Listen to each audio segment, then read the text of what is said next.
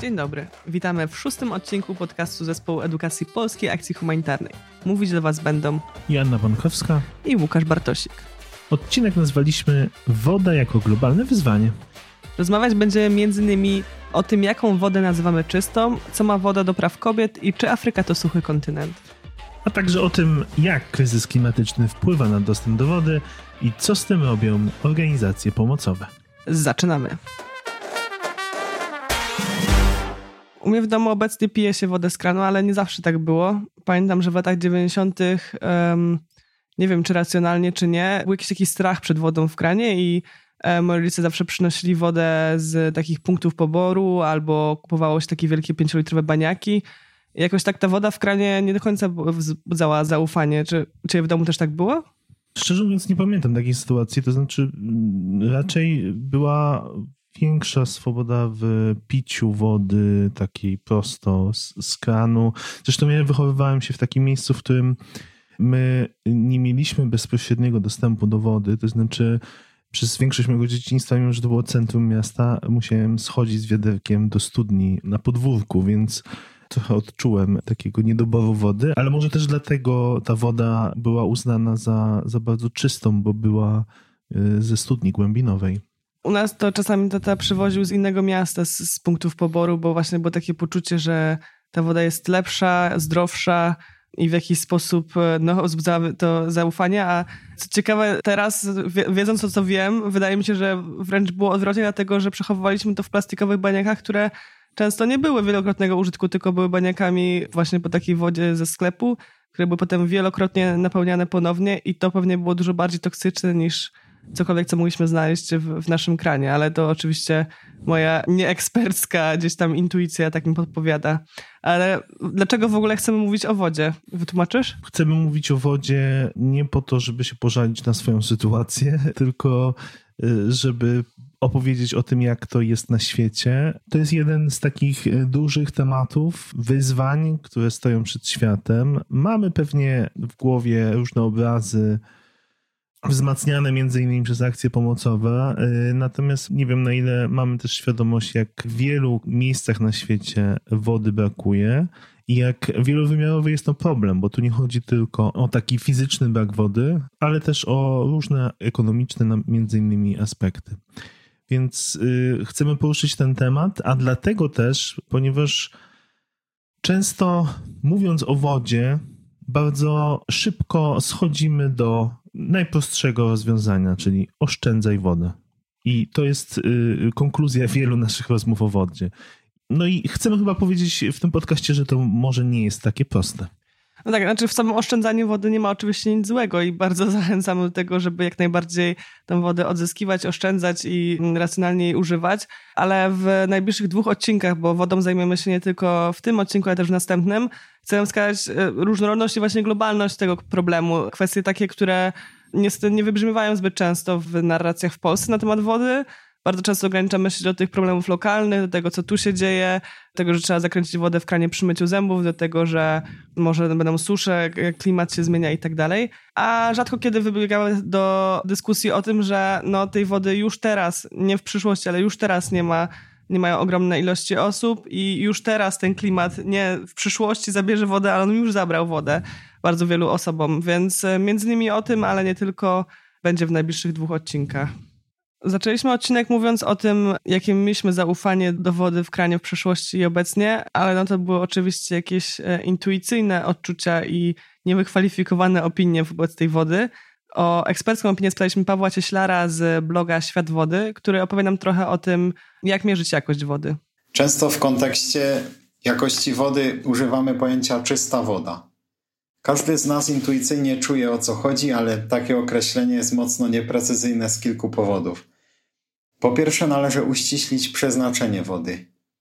Domyślnie czujemy, że inne wymagania będziemy stawiali w wodzie basenowej czy w kąpieliskach, inne parametry z kolei będzie musiała mieć woda do instalacji chłodniczych, obiegów kotłowych czy jeszcze jakichś innych zastosowań w przemyśle.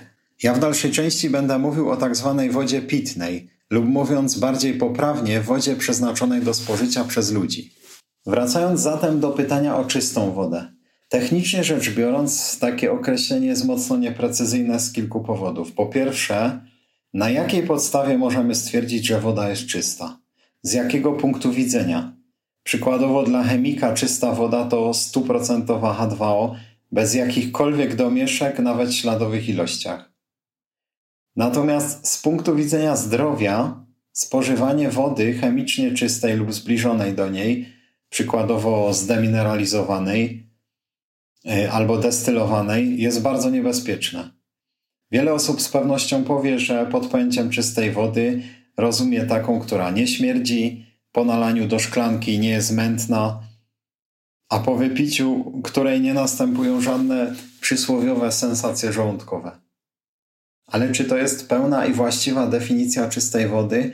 Myślę, że nie, ponieważ na oko, czyli organoleptycznie, nie jesteśmy w stanie stwierdzić, czy w wodzie są jakieś rozpuszczone substancje, które mogą być szkodliwe dla naszego zdrowia, a jednocześnie takie, które nie zmieniają walorów smakowych ani wizualnych tej wody.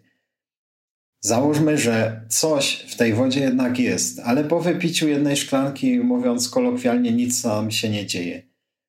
Czy o takiej wodzie możemy powiedzieć, że jest czysta? No dobrze, uściślimy. A jeśli będziemy taką wodę spożywali przez kilkadziesiąt lat po kilka szklanek dziennie? Sprawa naprawdę nie jest taka prosta. Wiedza na ten temat, jaką dysponujemy na dzień dzisiejszy, jest przeogromna i nadal dynamicznie się rozwija.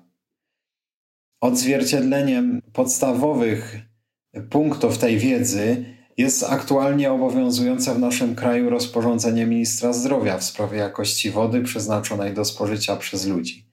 Rozporządzenie to w dużej mierze bazuje na unijnej dyrektywie w sprawie jakości wody. Proszę zwrócić uwagę, że dostarczenie wody spełniającej chociażby podstawowe wymagania jest przedsięwzięciem niesamowicie kosztochłonnym. Budowa ujęcia stacji uzdatniania, infrastruktury przesyłowej, a także kwestie badań i nadzoru są logistycznie i technicznie sprawami bardzo zaawansowanymi. Chociaż w reszcie nagrania będziemy skupiać się na globalnym wymiarze e, dostępu do wody i oczywiście tych miejscach, które są najmniej uprzywilejowane w tym względzie, czyli tam, gdzie tej wody najbardziej brakuje bądź e, jest najbardziej zabrudzona i dostęp e, dla osób tam mieszkających jest najtrudniejszy. Jednak w, w tym miejscu warto wspomnieć może o tym, że ten dostęp ani do wody, ani do sanitariatów nie jest oczywisty również w Europie i w Polsce. Prawie milion Polaków nie ma dostępu do łazienki, a pół miliona do bieżącej wody. I to są dane współczesne, nie gdzieś tam historyczne. Więc e, warto sobie też mieć to w tyle głowy, gdy będziemy mówić o tych wyzwaniach, to oczywiście skupiamy się na tych miejscach, gdzie te wyzwania są w dużo większej skali, dotyczą dużych procentów społeczności, ale również blisko nas są osoby, które nie mają tych podstawowych praw wodnych zapewnionych. Zaadresować to próbowała zresztą skutecznie taka inicjatywa europejska Right to Water, która kilka lat temu jako inicjatywa obywatelska zbierająca podpisy jako pierwsza trafiła do Parlamentu Europejskiego jako e, skuteczna inicjatywa obywatelska na poziomie europejskim i w wyniku niej powstały potem dyrektywy unijne, które regulują i też rzeczywiście posunęły do przodu trochę te przepisy dotyczące dostępu do wody, jakości wody i tak. Więc e, będziemy mówić o globalnym wymiarze, ale pamiętajmy, że, że te osoby też być może są bardzo blisko naszego miejsca zamieszkania. Tak, a mówiąc o globalnym wymiarze, to możemy przy okazji powiedzieć, co to znaczy dostęp do wody. ONZ uznaje, że ludzie mają dostęp do wody, jeżeli zasoby wodne są wystarczające, czyli jest to przynajmniej od 50 do 100 litrów na dzień są bezpieczne, czyli nie zagrażające zdrowiu, czyli takie, które po wypiciu ta woda no nie, wiem, nie powoduje biegunki albo innych bardziej poważnych chorób. Akceptowalne, to znaczy tu mamy taki aspekt kulturowy trochę często też e, wody, to znaczy, że kolor, zapach, smak wody wszystko to jest w danym kontekście akceptowalne, dostosowane do różnych grup społecznych, między innymi do osób różnych wyznań, płci itp. To ma na przykład e, znaczenie często w takich e, kwestiach też sanitarnych. Fizycznie dostępne i ty, Asia, mówiłaś o tym, że o bieżącej wodzie, ale my w skali globalnej tak naprawdę nie mówimy o takiej sytuacji, że dążymy do bieżącej wody, czyli żeby każdy miał kran w domu z bieżącą wodą, bo to jest jeszcze bardziej odległa, totalnie abstrakcyjna w tej chwili sytuacja. My mówimy o takiej sytuacji, w której ludzie mają źródło wody w bliskiej odległości, a ta bliska odległość według tych norm to jest nie większa niż kilometr od domu. Od domu, czy od instytucji edukacyjnej, od szkoły tego typu rzeczy, więc taki jest minimum e, norma.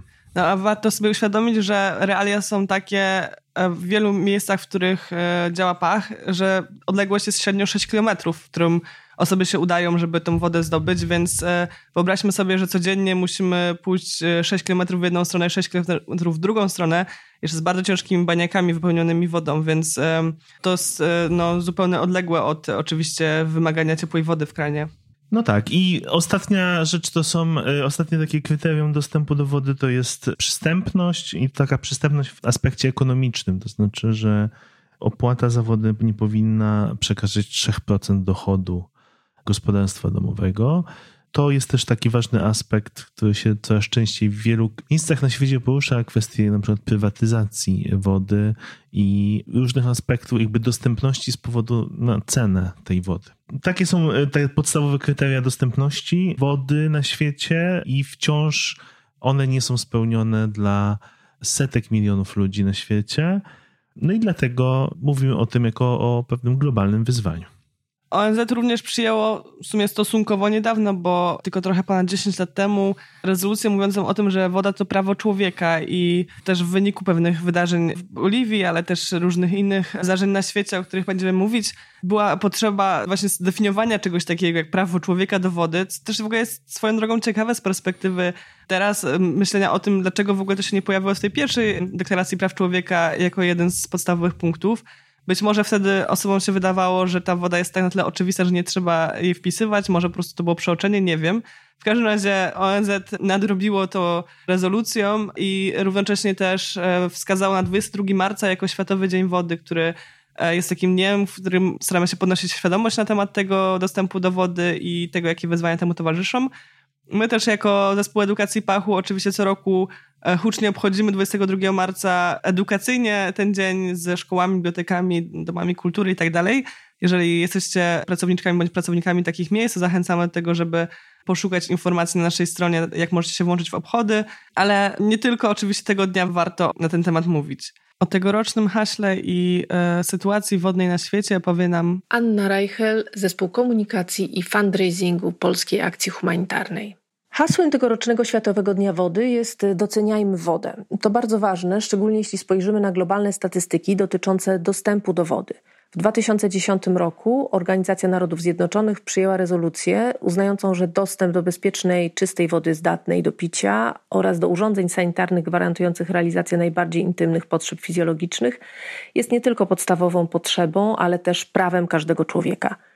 Tymczasem według danych ONZ i jej różnych agent 2 miliardy 200 milionów osób na świecie nie ma dostępu do bezpiecznej wody pitnej, to znaczy wody dostępnej stale na terenie własnej posesji i wolnej od zanieczyszczeń.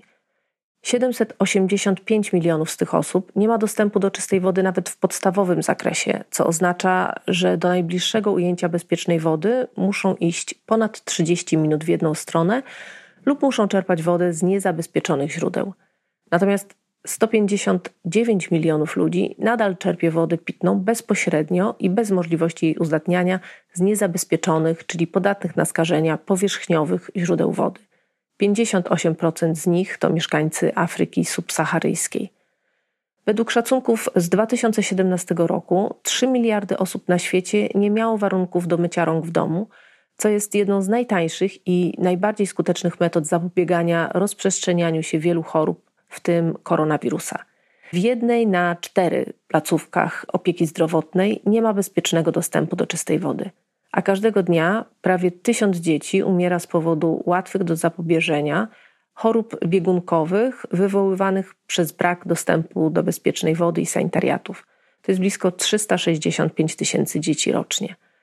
Jeszcze więcej zgonów, bo wedle danych Światowej Organizacji Zdrowia i UNICEF-u aż milion rocznie spowodowanych jest brakiem odpowiednich warunków higienicznych przy porodzie. Infekcje są przyczyną 26% zgonów noworodków i 11% zgonów kobiet w połogu. Sporo było tutaj statystyk. Na szczęście to nie jest kartkówka, więc nie będziemy musieli ich zapamiętać wszystkich, ale myślę, że warto pomyśleć o wnioskach z nich. To znaczy, w pierwszej kolejności te różne liczby pokazują, że to jest faktycznie globalny problem.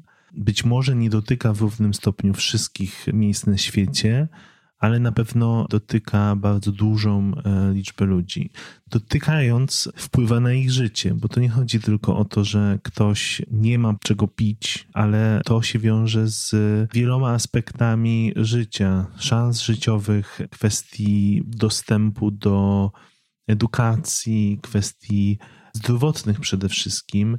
Tam był taki ważny aspekt e, związany między innymi z warunkami sanitarnymi i kwestią szpitali. No, przede wszystkim też wyobraźmy sobie, jeżeli zdobycie wody zajmuje nam tak dużo czasu w czasie dnia, no to jak niewiele czasu zostaje na wszystko inne. Jeżeli przez znaczną część dnia idziemy po wodę i wracamy z wodą, no to siłą rzeczy jakby wybory życiowe, co zrobić z resztą czasu są już bardzo ograniczone, bo to podstawowe potrzeba zabrała nam już taki ogrom tego dnia. Tak, to jest właśnie ten aspekt, który sprawia, że, że nasze życie totalnie inaczej wygląda w momencie, gdy nie mamy stałego dostępu do wody lub ten e, dostęp e, jest taki, że powoduje choroby chociażby.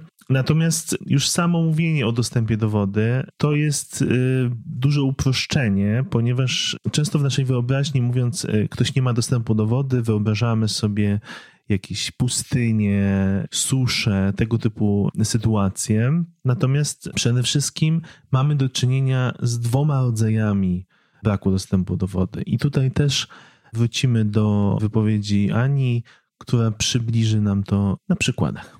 Mówiąc o niedoborze i nierównym dostępie do wody, musimy pamiętać e, o dwóch aspektach tego zjawiska: niedoborze fizycznym i ekonomicznym, które nie są tożsame. Na przykład zasoby wodne Polski w porównaniu z krajami europejskimi są małe i mieszczą się w przedziale 1000-1700 m3 na rok na osobę. Ten poziom jest klasyfikowany jako niedobór wody, a 15% ludności naszego kraju mieszka na terenach dotkniętych deficytem wody. Mimo to, dzięki rozwiniętej infrastrukturze, nie zagraża nam obecnie ekonomiczny aspekt niedoboru wody, choć sytuacja może się w przyszłości znacząco pogorszyć. Tymczasem w krajach tak zwanego globalnego południa, takie jak Somalia, Etiopia czy Nigeria, które mają porównywalne z Polską fizyczne zasoby wody, sytuacja jest diametralnie inna. Wyzwaniem dla tych i wielu innych państw w Afryce jest ekonomiczny, a nie fizyczny niedobór wody. Rozwój infrastruktury wodnej mógłby znacząco zmniejszyć wiele istniejących problemów, takich jak ubóstwo, choroby, niedożywienie, głód czy brak dostępu do edukacji. To ostatnie ograniczenie dotyczy szczególnie dziewczynek, bo w 80% domostw nieposiadających bezpośredniego dostępu do wody, to właśnie one i kobiety są odpowiedzialne za y, jej codzienne dostarczenie. To pozbawia je nie tylko możliwości zdobycia wykształcenia, ale też zarobkowania, co pogłębia panujące nierówności ze względu na płeć. Długie wędrówki po wodę narażają też kobiety i dziewczynki na niebezpieczeństwo ataków i nadużyć na tle seksualnym. Dla osób, które wolą e, wizualnie przyswajać informacje, a nie tylko słuchowo, bardzo polecamy naszą krótką broszurę o wodzie i takie ćwiczenie, powiedziałbym, tak bym to nazwał.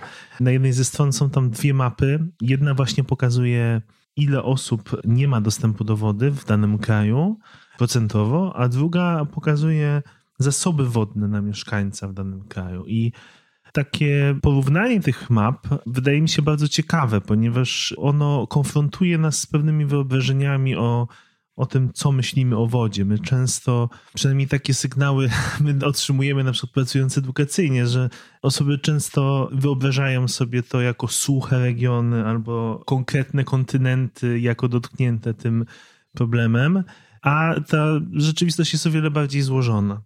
I na przykład wspomniany przez Anię kontynent afrykański to także bardzo różnorodny kontynent pod względem i zasobów wodnych, bo są kraje, które mają zdecydowanie większe zasoby wodne niż Polska, albo mają podobne zasoby wodne niż Polska, ale są też kraje, które mają z tym ogromny problem i ten problem związany jest wcale niekoniecznie z zasobami wodnymi. To znaczy, to może być e, potęgowane przez na przykład zmiany klimatyczne, ale to najczęściej jest właśnie ten ekonomiczny niedobór wody, czyli wszystko to, co związane jest z infrastrukturą i z dostarczaniem wody albo wydobywaniem jej z głębin. No i to też często może powiązane, bo tam, gdzie na przykład to nie jest tak, że wody nie ma, tylko na przykład jest głębiej w ziemi, to wtedy potrzeba większych nakładów finansowych, żeby ją wydobyć, więc jakby problem ekonomiczny i przyrodniczy się z sobą łączy w tym miejscu spotyka.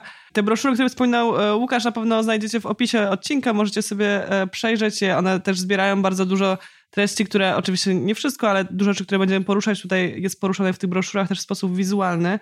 Jest między innymi tam taki e, wykres o przyczynach braku dostępu do wody, który właśnie klasyfikuje te różne powody przez e, polityczne, które są na przykład zniszczeniem infrastruktury podczas e, konfliktów, ale też celowe zatrowanie wody podczas konfliktów zbrojnych, same w ogóle konflikty o wodę i dostęp do tej wody i zarządzanie tymi zbiornikami wodnymi, przez takie jak ubóstwo, które łączą się z kolonialną przeszłością, ale z niestabilnymi też strukturami państwowymi, które w ten sposób też łączą się historycznie i politycznie przez katastrofy naturalne, które y, mimo, że bardzo często powiązane z bardzo dużym nadmiarem wody, to mogą powodować niedobór wody w, w efekcie. Powodzie, y, huragany, ale też susze, które oczywiście najbardziej nam się kojarzą. Ale może taki mniej oczywisty powód to jest y, nadmierna eksploatacja przez ludzi po prostu tych zasobów, czyli na przykład bardzo rozwinięte rolnictwo albo bardzo rozwinięty przemysł w danym miejscu, może doprowadzić do tego, że po prostu te zasoby się będą e, kurczyć bądź wyczerpywać. No, rolnictwo pochłania ogromne, znaczy zresztą przemysł też, no, pochłaniają ogromne, ogromne ilości wody, zupełnie nieporównywalne do tego, z czego korzystają e, pojedyncze osoby. I to może wpływać na te zasoby także dla tych osób fizycznych. A mówiąc o fizycznym, to są jeszcze te fizyczne i geograficzne powody, czyli niewystarczające opady deszczu, rozmieszczenie wód gruntowych, czyli to, czy w ogóle w danym miejscu te wody gruntowe występują, bądź nie na jakiej wysokości no i cykliczność pór roku, w tym oczywiście pamiętajmy, że pory roku to nie są tylko lato, jesień, zima i te pory roku, które my znamy, ale też pory roku w innych częściach świata to jest pora sucha i pora deszczowa. I zarówno tak jak nasze pory roku są e, zaburzane przez e, zmianę klimatu, przez kryzys klimatyczny, tak i te pory e, deszczowe i suche bardzo silnie również są zniekształcone współcześnie przez to, jak klimat wpływa na przyrodę, na, na cyrkulację wody i tak dalej. Więc to są takie, no bardzo pokrótce przegląd różnych powodów, ale mam nadzieję, że wybrzmiało, to nie jest tylko woda jest bądź jej nie ma, to jest dużo bardziej skomplikowane i często te powody się po prostu ze sobą łączą, a wszystkie oczywiście potęguje e, zmiana klimatu. Tak, i takim bardzo konkretnym, wymiernym przykładem, gdzie to się połączyło, jest Kapsztad. Sytuacja, która e, miała miejsce w 2018 roku tak naprawdę spotęgowała się wtedy. Było sporo relacji e, medialnych na ten temat, na temat Dnia Zero, ponieważ władze Kapsztadu ogłosiły, że nadchodzi dzień zero, dzień, kiedy się skończą zasoby wodne. W związku z tym z wyprzedzeniem dokonano y, sporej ilości cięć i reglamentacji wody tak naprawdę. I to było takie bardzo doświadczające ludzi, którzy tam mieszkają. Dotkliwe? Czy tego słowa szukasz? Tak, dotkliwe, ale no, też myślę, że pokazujące różne wymiary tej sytuacji. Między innymi ten aspekt, tam był y, ważny aspekt nierówności finansowych, to znaczy, że pewne dzielnice były odcięte od wody, a inne nie były odcięte, czyli te y, bogatsze na przykład. Natomiast tutaj mamy do czynienia z taką sytuacją, w której z jednej strony jest kwestia zasobów wodnych, niewystarczających, albo przynajmniej niewystarczająco szybko się y, odnawiających, połączona oczywiście z eksploatacją i z nadużyciem tej wody. Więc częściowo to był problem suszy, która była tam obecna w tym czasie, ale tak naprawdę można by powiedzieć, że ta susza tylko spotęgowała albo uwidoczniła ten problem, bo ten problem jest o wiele bardziej wielowymiarowy.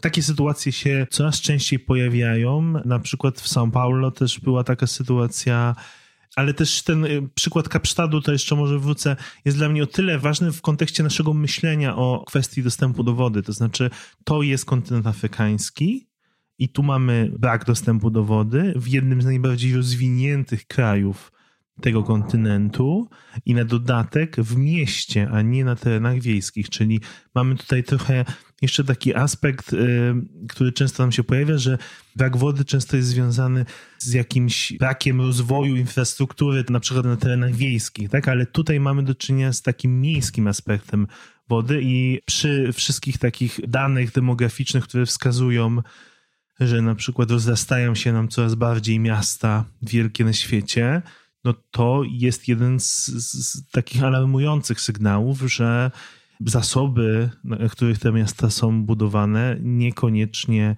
nadążają za tym. No ale podobny kryzys e, miał miejsce również w Polsce, w Skierniewicach w 2019 roku. Podobne były również powody, znaczy za duże zużycie wody w czerwcu, niewystarczająca infrastruktura wodna i brak opadów. Miasto również nałożyło na e, mieszkanki mieszkańców e, ograniczenia, znaczy zakaz kąpieli, limit zużywania wody na mieszkańca, mieszkankę. No i ta sytuacja była analogiczna, chociaż oczywiście, mimo że sytuacja jest analogiczna, to na pewno nie chcemy przyrównywać tych zjawisk, no bo e, wiemy, że sytuacja w szerszej perspektywie jest zupełnie, zupełnie inna. To mi przypomina zawsze, że jak, jak mówimy o potrzeby pomagania dziś za granicą, to zawsze jeden z pierwszych argumentów jest taki, że w Polsce też mamy z tym problem, albo w polskim dzieciom e, powinniśmy pomagać.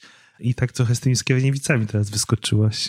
No tak, i też e, winna, winna, przyznaję się. Też bardzo często mamy ten problem w rozmowach o kryzysie klimatycznym, że ten komunikaty zdają się mówić o tym, co nastąpi dopiero, jakby zupełnie zapominając o tym, że te rzeczy się już dzieją, tylko może niekoniecznie w naszym mieście i że skutki kryzysu klimatycznego i właśnie te susze i ten brak wody, brak zdolności w ogóle do mieszkania w niektórych e, miejscach, to nie jest pieśń przyszłości, to jest absolutnie współczesna sytuacja, tylko właśnie pytanie, jak szeroko postrzegamy tą współczesność i jak szeroko patrzymy na, na te zjawiska. Tak, oczywiście y, nie ma co przyrównywać tej e, sytuacji w Kapsztacie do Skierniewic, ale mimo wszystko analogie... Ale jakieś... mimo wszystko chcesz. Chciałam nas sygnalizować tylko, że to nie tylko w Afryce się dzieje, o może tak. To była moja intencja. Ale więcej o tym, gdzie e, na przykład są ryzyka suszy też, też w broszurze mapa którą możecie zobaczyć, ale co znamienne, to często co nam się kojarzy z tą właśnie suchą Afryką, to jest ten region Afryki subsaharyjskiej i ona rzeczywiście jest bardzo specyficznym regionem, dlatego że to jest region, który jednym najbardziej dotkliwy odczuwa e, ten kryzys klimatyczny, dlatego że tam już przed kryzysem było gorąco, a teraz jest naprawdę już coraz cieplej i te warunki atmosferyczne i, i warunki przyrodnicze stają się naprawdę bardzo dotkliwe. A co ważne, ten e, obszar, mimo że jeden z najbardziej dotkliwie odczuwa konsekwencje, no to jest odpowiedzialny za jedynie 7, około 7% światowej emisji gazów cieplarnianych, czyli zupełny rozstrzał między tym, w jaki sposób przyczynia się do tych zmian, w jaki sposób przyczynia się do kryzysu klimatycznego, a w jaki sposób ponosi konsekwencje. No i też pamiętajmy, że mimo, że Afryka subsaharyjska w bardzo ciężkiej sytuacji jest, to nie jest całą Afryką i nie jest e, też analogiczna do całej sytuacji w Afryce. Tak, i na koniec może tylko wychodząc z Afryki, e, trzeba powiedzieć, że ogromne wyzwanie z wodą jest też na kontynencie afrykańskim. Jest na, ogromne wyzwanie z wodą jest też na kontynencie azjatyckim, w Ameryce Południowej. Można też nawet mówić o Ameryce Północnej, ale tutaj jest inny aspekt, e, taki prywatyzacyjny często. Ale szczególnie te trzy kontynenty są takimi kontynentami, w których szczególnie wyraźnie widać w niektórych krajach te kwestie wodne. No i to oczywiście jest nie bez znaczenia dla położenia geograficznego na, na globie, gdzie te miejsca się znajdują, bo to oczywiście jest wszystko są powiązane. Wielokrotnie mówiliśmy już o kryzysie klimatycznym, który wzmaga i bardzo pogłębia pewne kryzysy e, wodne i sytuacje. O wypowiedź na ten temat poprosiliśmy ekspertkę. Nazywam się Aleksandra Kardaś, jestem fizyczką atmosfery, autorką książki o wodzie oraz współautorką podręczników Nauka o klimacie i Klimatyczne ABC. Postępująca zmiana klimatu w wielu częściach świata zwiększa niestety problemy z dostępnością wody. W pierwszej chwili może się to nie wydawać oczywiste, bo przecież wyższe temperatury oznaczają, że ocean silniej paruje, a w takim razie w atmosferze znajduje się więcej wody, no i w takim razie można spodziewać się większych, silniejszych opadów. Ale niestety okazuje się, że obowiązuje tu taka zasada, że bogatsi robią się coraz bogatsi, a biedni coraz biedniejsi. To oznacza, że deszczu spada więcej tam, gdzie już dotąd było go całkiem sporo, na przykład w północnej Europie albo na południu Indii a z kolei obszary, które już wcześniej były dosyć suche, przykład basen Morza Śródziemnego czy Bliski Wschód, cierpią z powodu coraz niższych opadów. Nawet tam, gdzie deszczu nie ubywa, to znaczy sumy opadów roczne są cały czas mniej więcej takie same, albo nawet trochę rosną, może zmieniać się rytm opadów na taki, który bardziej sprzyja występowaniu susz. Z taką sytuacją mamy do czynienia na przykład w Polsce. Mamy coraz dłuższe okresy, podczas których jest sucho, deszcz nie pada, woda cały czas paruje nam z powierzchni ziemi, paruje nam z gleby, paruje ze zbiorników, a opadów nie ma, a później przychodzi taka silna ulewa, podczas której spada tyle wody, na przykład ile kiedyś spadało w ciągu miesiąca. E, I ta woda, co prawda jest jej dużo, ale ona nie wsiąka w glebę, tylko w większości spływa po jej powierzchni, spływa do rzek i później ucieka nam w stronę morza. Czyli nie odbudowują się nasze e, zasoby wodne. Takie sytuacje, w których mamy długie okresy bezopadowe, a później silne ulewy, są dużo mniej korzystne, jeśli chodzi o odbudowywanie jakichś zasobów wodnych, niż sytuacje, w których e, mamy takie przeciągające się, umiarkowane opady kilkudniowe. Więc nawet jeśli deszczu nie ubywa, jeśli chodzi o roczne sumy opadów, to wciąż możemy mieć problem związany z tym, że zmienia się ich rytm. Globalne ocieplenie powoduje nie tylko zmiany w opadach, ale też m.in. topnienie lodowców. Tymczasem lodowce to są takie rezerwuary, które zapewniają stabilność dostaw wody ponad 1 piątej ludzkości. Na czym to polega? Wygląda to tak, że lodowiec jest takim wielkim magazynem, w którym woda jest gromadzona na przestrzeni setek czy tysięcy lat. Co roku zimą spada tam nowa porcja śniegu i później latem część tego się wytapia, zasilając rzeki płynące w, w, na niziny, które do rzek korzystają ludzie, pobierając z nich wodę do picia czy do nawadniania pól. I nawet jeżeli w jakimś konkretnym roku mamy słabe opady deszczu latem, to możemy polegać na tym, że stopnieje nam za to odpowiednia porcja lodowca i w rzece będzie woda. Natomiast kiedy ten lodowiec zniknie, no to wtedy będziemy musieli polegać tylko na tym deszczu, który spadł obecnie, który spadł niedawno dla zasilania naszych pól, e, dla zasilania naszej rzeki, z której czerpiemy wodę. Jest to bardzo ważny element bezpieczeństwa wodnego, między innymi w Azji, w Chinach, Indiach, Pakistanie, Afganistanie, które polegają na dostawach wody z lodowców himalajskich. To jest także bardzo ważne w Ameryce Południowej, gdzie duże obszary na wybrzeżach południowej części silnie zależą od tych dostaw wody z lodowców andyjskich. No i kiedy lodowce zanikają, to niestety przestajemy mieć te stałe dostawy wody i tym jesteśmy bardziej podatni na suszę. W wielu regionach e, zmiana klimatu nakłada się na już istniejące wcześniej problemy z dostępem do wody. To może prowadzić do problemów z wyprodukowaniem żywności, zmuszać ludzi do migracji, powodować powstawanie albo zaostrzanie się konfliktów o wodę. Wydaje się, że to jest jedna z najpoważniejszych konsekwencji zmiany klimatu i dlatego musimy brać pod uwagę, że ten problem jest, że ten problem będzie się pogarszał i zapobiegać z jednej strony eskalacji zmiany i zmiany klimatu, a z drugiej strony przystosowywać się, dbać o takie rozwiązania, które pomogą nam uchronić się przed niedoborami wody tam, gdzie będą one występować. Jest jeszcze jeden aspekt wodny dotyczący zasobów i dotyczący zmiany klimatu, związany z podnoszeniem się wód, między innymi właśnie przez e, topienie się lodowców. To może e, mieć bardzo duży wpływ na wszelkie e, nadmorskie miejscowości, szczególnie na wyspach, szczególnie tam, gdzie możliwe jest wniknięcie wody słonej i tym samym zanieczyszczenie źródeł wody pitnej.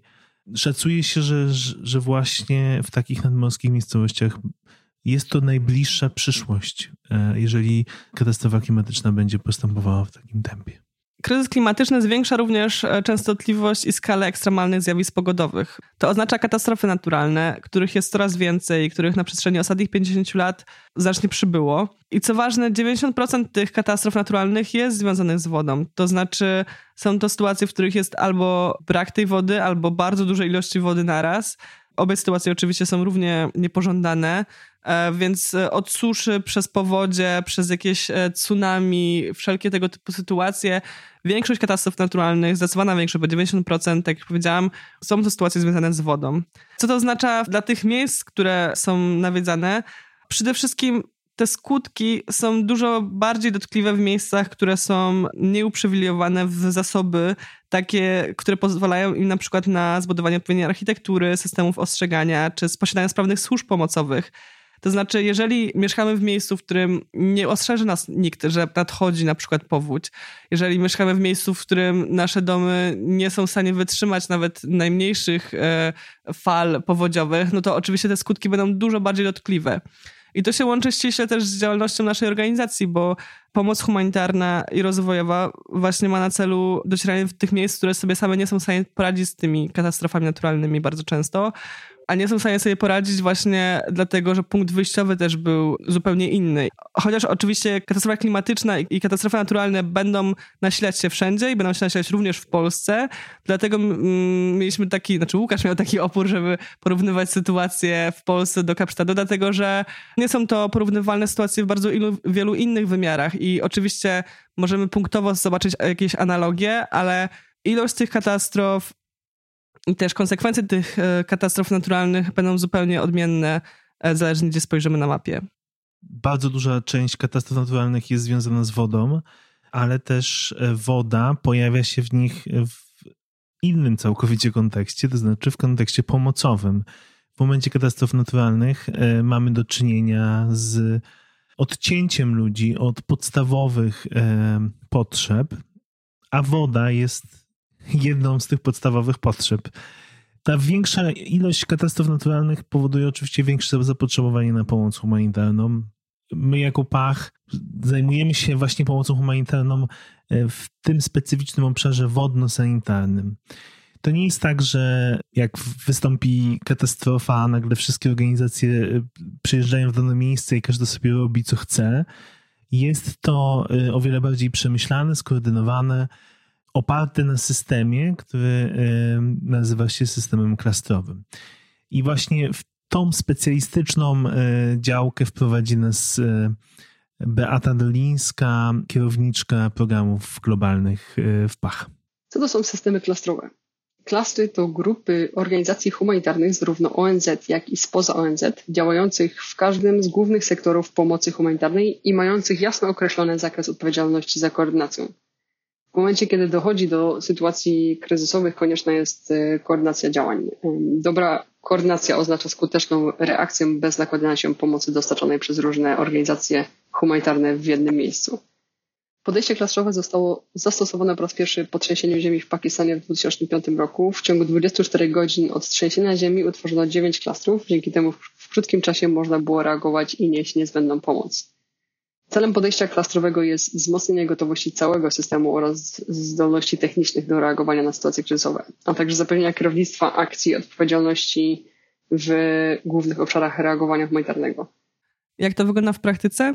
Tak, że różne organizacje przyjmują różne role zależnie od y, miejsca i sytuacji. Oczywiście różne organizacje specjalizują się w różnych klastrach, znaczy są organizacje, które specjalizują się na przykład w pomocy wodnej, są organizacje, które specjalizują się w pomocy żywieniowej, i tym podobne. Jednak zależnie od sytuacji one mogą przyjmować bardziej koordynacyjną, bądź bardziej wspomagającą rolę, a wszystko jest e, koordynowane przez ONZ w celu właśnie, żeby nie dublować tej pomocy, żeby nie było takiej sytuacji, że dzieje się katastrofa i na miejsce przyjeżdża kilkanaście, e, kilkadziesiąt organizacji z różnych części świata z tym samym typem pomocy, czyli na przykład wszyscy przewożą paczki z żywnością, a mm, nikt nie pomyśli o na przykład dostępie do sanitariatów albo medycznej e, pomocy. Więc aby takie sytuacje uniknąć, żeby wszystkie po pierwsze typy pomocy były zagospodarowane, a po drugie, żeby się nie dublowały, no to właśnie powstał ten system klastrowy.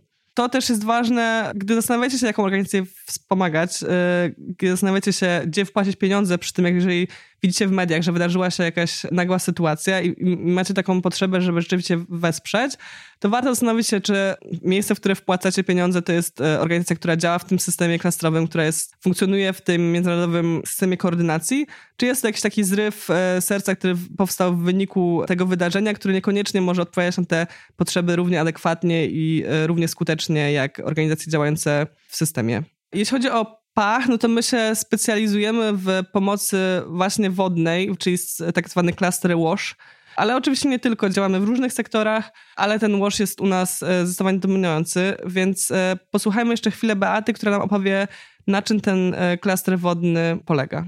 W sektorze wodno-sanitarnym i promocji higieny pomoc opiera się przede wszystkim na zapewnieniu dostępu do wody, do obiektów sanitarnych oraz do podstawowych materiałów higienicznych. Woda dostarczana jest m.in. przez budowę studni, dowóz wody beczkowozami, wybudowanie lub naprawa istniejącego systemu wodnego. Według standardów międzynarodowych w sytuacjach kryzysowych organizacje humanitarne mają zadanie zapewnić minimum 15 litrów wody dziennie na osobę. E, liczba ta uwzględnia konsumpcję jak i wodę do mycia. Obiekty sanitarne, na przykład toalety tymczasowe z uwzględnieniem szczególnych potrzeb kobiet e, i osób z niepełnosprawnościami. E, często są to raczej toalety komunalne lub dzielone pomiędzy kilka domostw. Podstawowe materiały higieny osobistej to przede wszystkim mydła, proszek do prania, podpaski. Forma tej pomocy jest ustalana przy weryfikacji potrzeb i istniejących systemów w, w miejscu kryzysu. W wielu krajach, gdzie PAC pracuje, nawet przed kryzysem nie istniała podstawowa infrastruktura wodno-sanitarna, stąd y, na przykład zapewnienie wody według standardów, czyli 15 litrów y, na dzień na osobę, często wiąże się z wybudowaniem nowej infrastruktury. Zapewnia to dostęp do wody i w obecnej sytuacji kryzysowej, jak i daje stabilne źródło wody, wody na, na przyszłość. W przypadku materiałów higienicznych organizacje starają się zakupić towar na miejscu, wspomagają więc odbudowę lokalnej gospodarki, a przy tym zmniejszają nakłady finansowe y, na zakup środków za granicą i ich dowóz. Pomoc związana z sanitariatami jest y, często najbardziej omijanym tematem, uznanym za mało atrakcyjny, a jednak zapewnienie odpowiednich toalet i miejsc do mycia rąk znacznie zmniejsza ryzyko zachorowań. Wspieranie dostępu do usług wodno-sanitarnych i higieny przyczynia się do poprawy zdrowia, wydłużenia średniej długości życia, poprawy dostępu do edukacji, wspierania równości i innych ważnych kwestii związanych z rozwojem. Dostęp do wody jest nierozerwalnie związany z kwestią sanitariatów i promocją higieny, jak mówiła Beata, stąd ta nazwa WASH. My przede wszystkim tutaj mówiliśmy o wodzie, ale to jest tak e, nierozerwalnie związane ze sobą, że że trudno mówić o tym w pojedynkę, że tak powiem. Chociaż skala tych problemów e, też jest różna. To, o czym mówimy tutaj, to koordynacja tej pomocy. Pomocy, która wbrew może pewnym stereotypom o tym, e, nie polega na rozdawaniu butelek z wodą, albo wysyłaniu ich, albo kopaniu studni, tylko jest o wiele bardziej skomplikowanym logistycznym procesem, który musi być e, skoordynowany. Ważny ten fragment był według mnie w Beaty wypowiedzi e, o odpowiedzi na potrzeby. Tak? On cały czas jest powiązany z monitorowaniem potrzeb i z odpowiadaniem na te potrzeby. Więc sporo jest pewnie naszych wyobrażeń o tym, jak ta pomoc wodna może wyglądać i gdzie ona się odbywa, ale ona na pewno jest często bardzo zaawansowana technologicznie, chociażby poprzez e, wiercenie studni na znacznie głębsze głębokości niż w Polsce, a nie kopanie łopatą, bo tak Czasem mieliśmy takie pytania, dlaczego oni sobie nie mogą wykopać. Wystarczy łopatę dać i wykopią sobie studnie. No nie mogą, ale też właśnie nie, branie pod uwagę różnych środowiskowych, ekonomicznych aspektów związanych z tym, żeby to też było trwałe i zrównoważone no to może dobry moment, żeby też wspomnieć o tym, co choć nie jest związane z tematem naszego odcinka, ale jednak ważne, że ta sprawczość tego, kto właśnie te studnie wierci bądź nie wierci, wydaje mi się, że ważne jest to, żeby wspomnieć, że e, rolą organizacji bardzo często jest zapewnienie tego wsparcia technicznego, czyli na przykład wierteł, na przykład różnego rodzaju sprzętu, którego potrzeba, żeby wybudować tą studnię, ale to nie znaczy, że potrzeba białego europejskiego człowieka, który musi przyjechać i tą studnię wykopać, e, znaczy właśnie wykopać, wywiercić. Tylko istotą pomocy jest zapewnienie takiego wsparcia, które pozwoli lokalnym osobom na zapewnienie sobie tych potrzeb, które wcześniej mogły być zapewnione. Więc to jest zdecydowanie rola wspierająca, a nie robienia czegoś za kogoś i nie takie wyobrażenie, jak często mamy, że my musimy tam przybyć, żeby coś się wydarzyło, to nie o to chodzi. To często jest właśnie kwestia albo bardzo specjalistycznego sprzętu, albo innego wsparcia rzeczowego, które pozwoli osobom tam mieszkającym na zapewnienie sobie e, tego, czego potrzebują. No i co też ważne, no to woda, jak wiemy, tak banał, woda jest potrzebna do życia, ludzie bez wody nie mogą żyć, ale też wszystkie rośliny, zwierzęta i tak dalej co mimo, że banalne, no to jest nie do przecenienia, jeżeli pomyślimy sobie o wszystkich innych aspektach życia, czyli wszelkie inne aspekty pomocy są też nierozwalnie związane z wodą, bo na przykład jeżeli gdzieś zapewniamy dostęp do edukacji, czyli na przykład budujemy albo odbudowujemy szkoły, no to tam też musi być e, zapewniony dostęp do wody i do toalet. E, jeżeli myślimy o na przykład jakiejś pomocy po zniszczeniu miasta, po katastrofie, no to też częścią tej pomocy będzie odbudowa kanalizacji.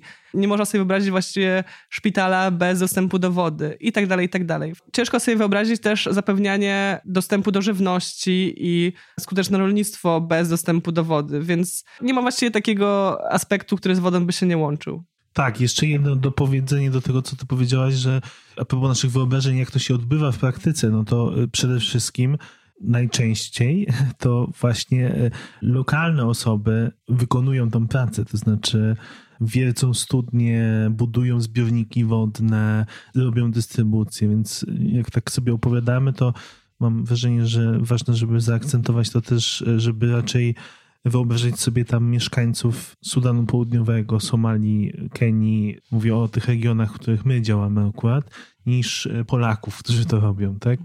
Bo to są po prostu wykwalifikowane osoby, które wiedzą, jak to zrobić lepiej niż my. No i też dlatego, że podstawowym celem organizacji pomocowej powinno być to, że zawsze mieć w tyle głowy plan wyjścia, to znaczy, żeby tak pomagać, żeby w pewnym momencie ta pomoc nie była potrzebna i że można było się wycofać z danego miejsca. I to dlatego właśnie rozdawanie butelek z wodą, chociaż oczywiście w jakichś skrajnych sytuacjach może mieć miejsce, ale to nigdy nie będzie jakaś y, pomoc długotrwała, no bo jeżeli chcemy zapewnić takie działanie, które pozwoli nam się wycofać z danego miejsca, no to rozdając butelki z wodą nie zapewniamy bezpieczeństwa wodnego długotrwałego. Ale jeżeli na przykład zapewnimy sprzęt do wywiercenia studni, no to w pewnym momencie po prostu przestaniemy być potrzebni, żeby wspierać tą sytuację, przynajmniej w tym aspekcie w danym miejscu.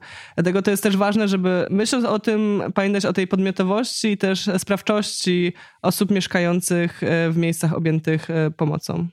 No tak, ale to nie był e, wbrew pozorom podcast o pomocy, to był odcinek podcastu o dostępie do wody i to był odcinek, w którym chcieliśmy wam pokazać to, jak ten aspekt życia naszego wpływa na życie ludzi na świecie, dlaczego nazywany jest jednym z globalnych wyzwań i dlaczego nasze zakręcanie kurka jest bardzo ważne, ale nie rozwiązuje tego problemu, bo jest on o wiele bardziej skomplikowany, połączony między innymi z innymi wyzwaniami takimi jak katastrofa klimatyczna. I to jest na tyle skomplikowane i na tyle różnorodne, że nie poprzestaniemy na jednym odcinku. W następnym odcinku będziemy kontynuować temat wodny, ale już w innych aspektach i innych wymiarach, więc e, mam nadzieję, że nie znudzi się wam słuchanie o wodzie. Pokażemy też nowe możliwości zaangażowania się i to, w jaki sposób nasze wybory konsumenckie wpływają na zasoby wodne w całkowicie odległych miejscach na świecie. I mamy nadzieję, że to też pokaże Wam tym bardziej, jak bardzo globalna jest to kwestia, jak bardzo ta woda nie zna granic i jak bardzo nasze działania wpływają na zasoby wodne innych ludzi. Tymczasem kończymy. Pamiętajcie, że 22 marca obchodzimy Światowy Dzień Wody, więc można celebrować, a przede wszystkim można podnosić ten temat w swoim otoczeniu, dyskutować o tym, oglądać filmy na ten temat, słuchać podcastów na ten temat i wszystkie inne edukacyjne przygody przeżywać. Tak, dociekanie i edukacja własna to także pomoc. Do zobaczenia już wkrótce w bardzo podobnym temacie, ale z całkowicie innej perspektywy. Do usłyszenia.